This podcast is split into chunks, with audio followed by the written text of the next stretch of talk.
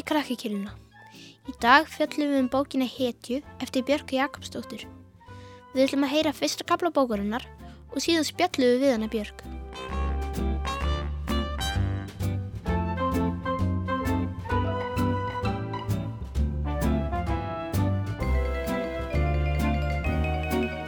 Ég horfi inn í svartildýpið. Mennirni reka okkur áfram með ópum og óhljóðum. Ég á ekki að fara með þeim. Þeir hljóta að sjá þetta bara miskilningur. Ég leitaði undankomuleið en í hvert skipti sem ég reyna að fara liftaði einhverju laungu sem minni mig á trjágrun og lemja mig. Mamma pappi og hinir í fjölskyldunni standa hinu meginu gyrðingun og kalla á mig. Ég kalla tilbaka af öllum lífs- og sálat kröftum. Ekki láta það taka mig. Mamma hleypi fram og tilbaka með fram gyrðingun og reynir að fá það til að hlusta.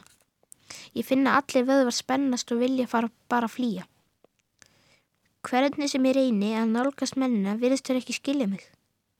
Eða vilja ekki skilja mig. Akkur eru þið svona reyðir? Ég hefði ekki átt að vera undir gyrðinguna. Það virtist bara að vera svo gaman hinum einn. Ég ætla aldrei aftur að fara undir gyrðinguna. Lofa ég og geri enn eina tilrönd til að komast fram hjá mönnunum og heim. Ég sé út undan mér að glimur pappi leitar að leið í gegnum gyrðinguna til að hjálpa mér. Nú koma allir mennirnir og mynda vekk með skrum á barsmiðum.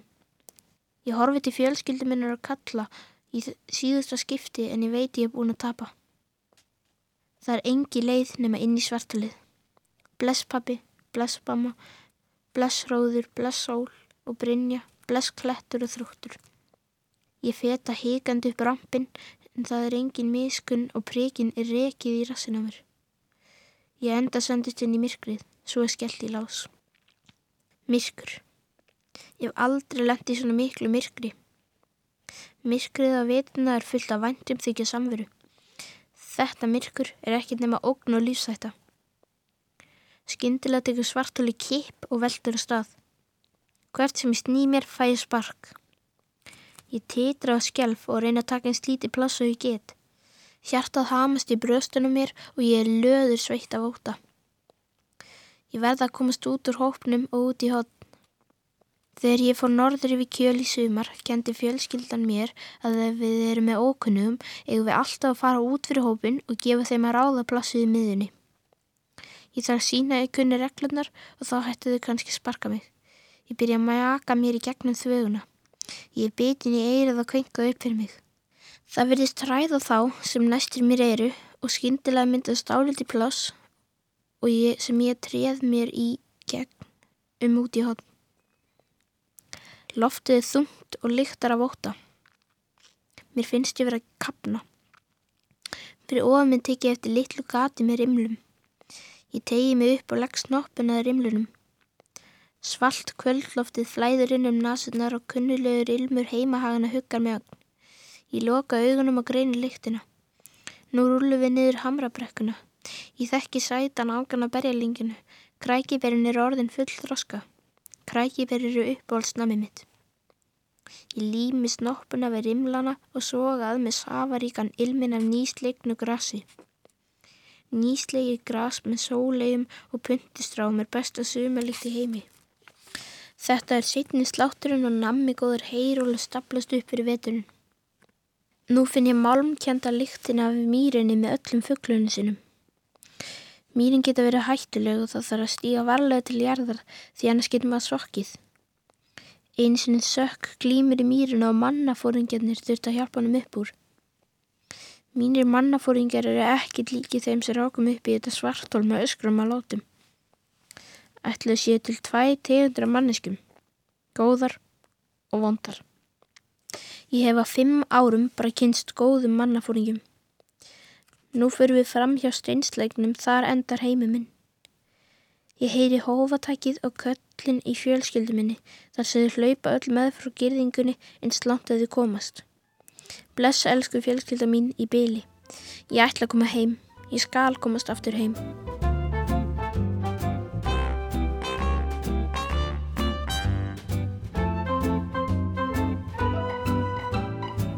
Ætlum við að fjalla um bókina Hetju. Hérna er komin hún Björk. Velkomin.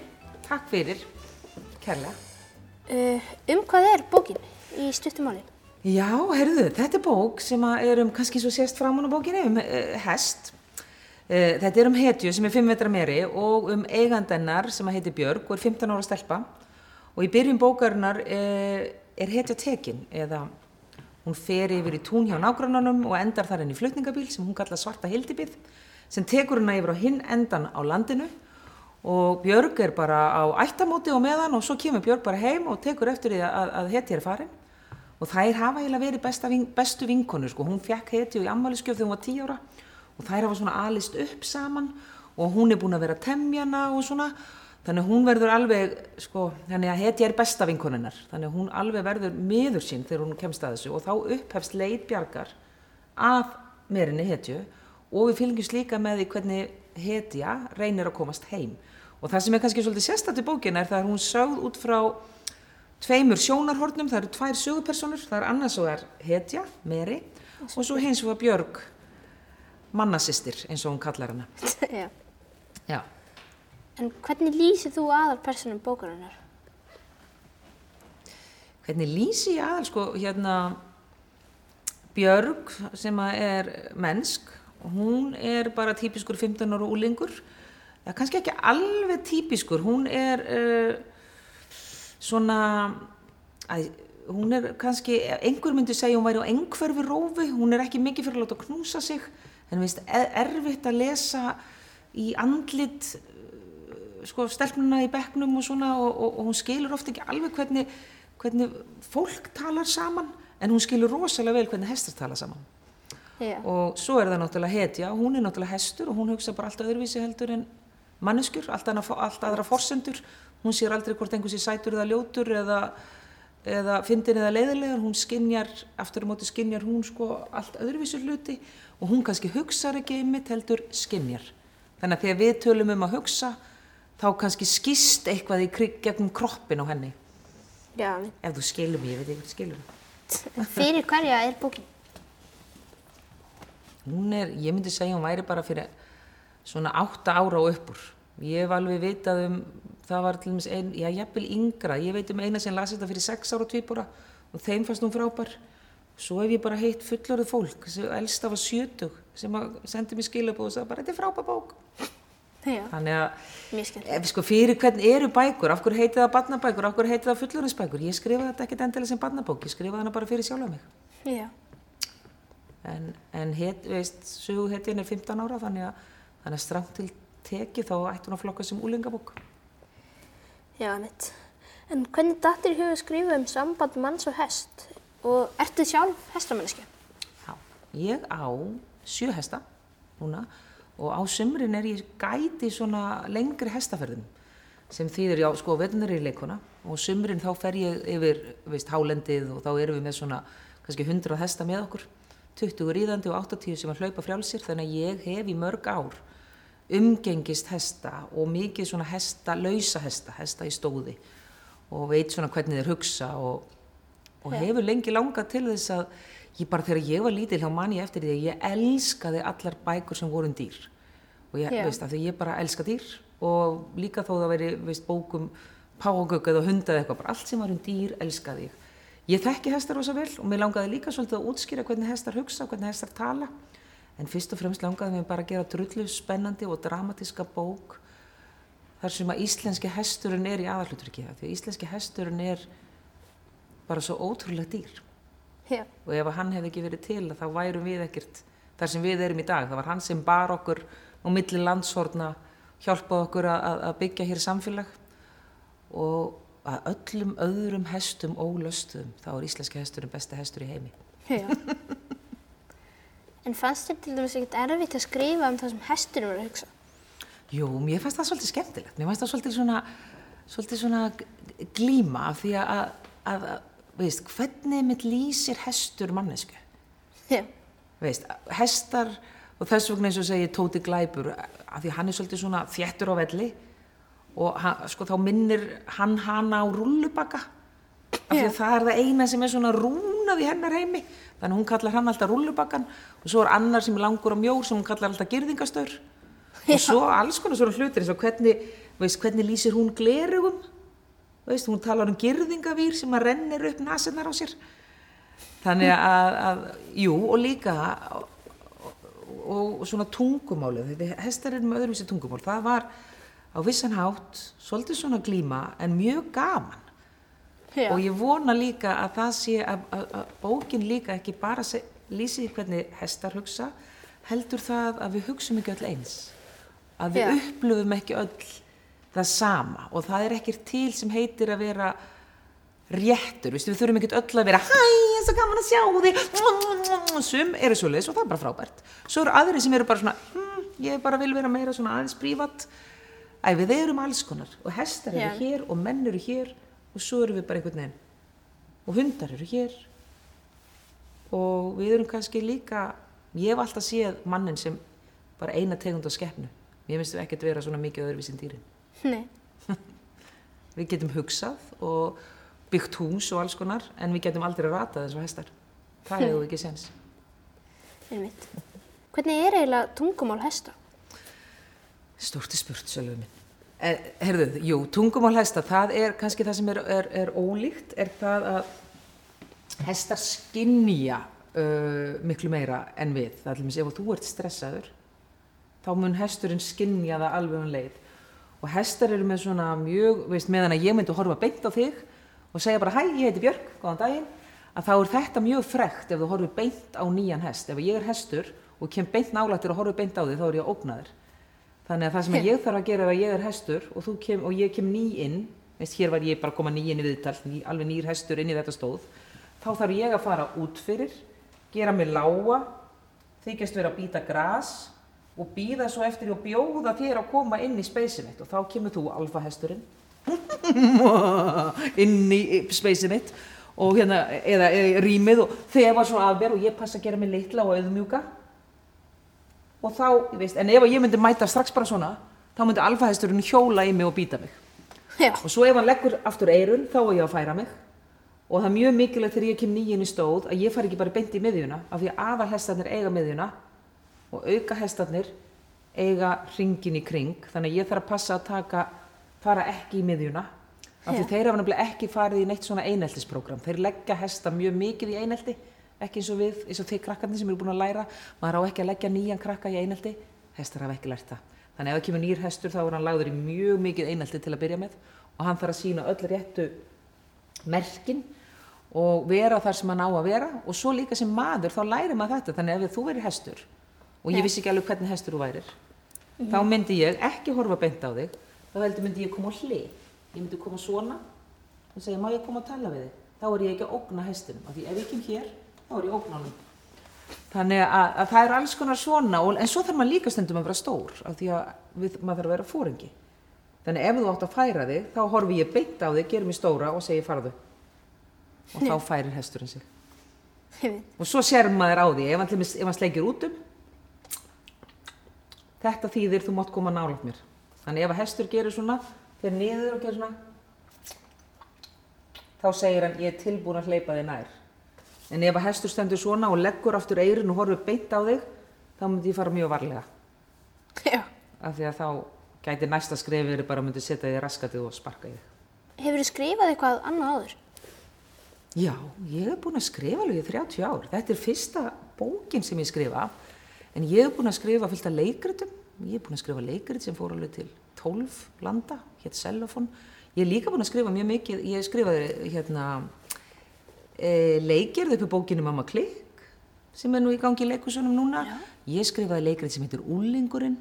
Nei, ég skrifaði ekki, ég er bara svona dramatúrk. Það var vitlega að segja mér. Þannig að það var ekki ég sem skrifaði, en ég unni mjög mikið með ungu fólki og ég hef skrifað, ég hef skrifað fyrir sjónvarp, ég hef skrifað eitt áramótaskaup. Já.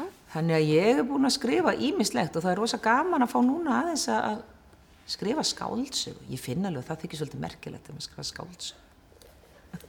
Hver er eiginlega munurinn að skrifa svona leikrit og Já, svona bók? aðal munurinn er að í leikrit og handriti þá þarf ekki að lýsa öllu svona mikið. Þú getur bara sagt, veist, það er dagur og Sofía frænka kemur inn. Við vitum öll hvernig Sofía, sko, svo bara sjáum við Sofíu frænku koma inn og þá sjáum við hvernig hún lítur út og allt þetta. En í bók þarftu að lýsa miklu meira umhverfi. Þú þarft að, að búa til heiminn í orðum af því að það er enginn Já. sem sér heiminn. Í leikritið eða bíómyndi þá sérðu bara heiminn. Já, mitt. Og þá þarf ég ekki að vera honum rosalega mikið. En þarna þarf ég að, að lýsa því hvernig þrúður vaggar sínum svansmjöðumum rólega að eldavélinni til þess að krakkar fái eða fólk fái einhvers konar mynd í höfuðið. Já, mitt. Þannig að, að, að, að það var svona svolítið munur að, að búa til þetta og ég var svolítið bara, ó, þetta tekur svo langa tíma að fara að lýsa öllu. En svo fór ég að hafa bara mjög gaman að því. En það er kannski aðal, hérna, aðal munurinn. Það er uh, þetta að, að þú hefur ekki myndina sem að fylgir textunum. Þannig að þú þarf að lýsa myndinni svo hún kveikni í höfði lesandas. Já. Hvernig tókst mér það? Vel. Já, það. Já. Það er gott að vita. Ætlar að skrifa aðra bók? Veistu það, ég var nú ekki búin að, ætlaði ekkert endilega að fara að gera það, en bara ég er búin að fá svo frábær viðbröð við þessari bók og hún selst svo vel að það er eiginlega komin sögufráður í höfuðið á mér að næstu bók sem að gæti heitið Eldur. Um þetta eða... Hetja verið þar, já, og kannski bætist við einhver söguhetja í þá bók og kannski kemur Eyjafjallajökull við sögu í þeirri bók og kannski fer Tóti Glæpur pínlindi magli málagjöld í þeirri bók. Já, Þannig að, já, verður maður ekki að skrifa aðra, Jú, jú. er það ekki? Ég bara lakkar mikið til að lesa hana. Já, æðislegt. Bara takk fyrir að koma hingað. og Takk fyrir að við lesa, takk fyrir að lesa bókina mína. þig. Verður það góð. Sjáumst.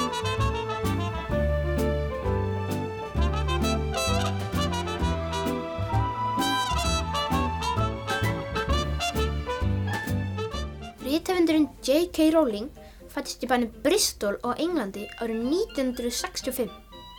Hún er þekktust fyrir bækunar um galdrastrákin Harry Potter og vini hans Hermione og Ron.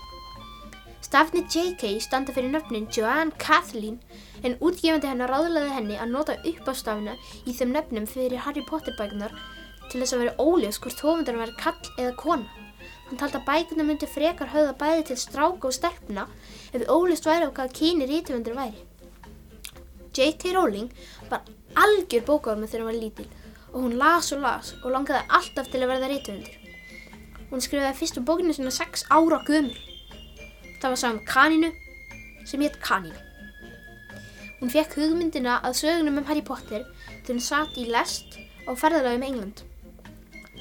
Lestin hafði senkað á leiðsinni svo hún notaði tíman til að fá hugmyndir og skrifa. Næstu fimm árin fjó hún til hugmyndina að öllum sjö bókunum um galdrastrákin og síðan hófst hún handa við að skrifa handritið af fyrstu bókinni um Harry Potter. Hún bjó í borginni Edinborg í Skotlandi þegar fyrsta bókin kom út. Og gömlu húsin og götur Edinborgar þykja líkjast mjög galdraheimi bókana. Engin bókaröð í heiminum hefur selst í eins mörgum eintökum og bækurnar um Harry Potter.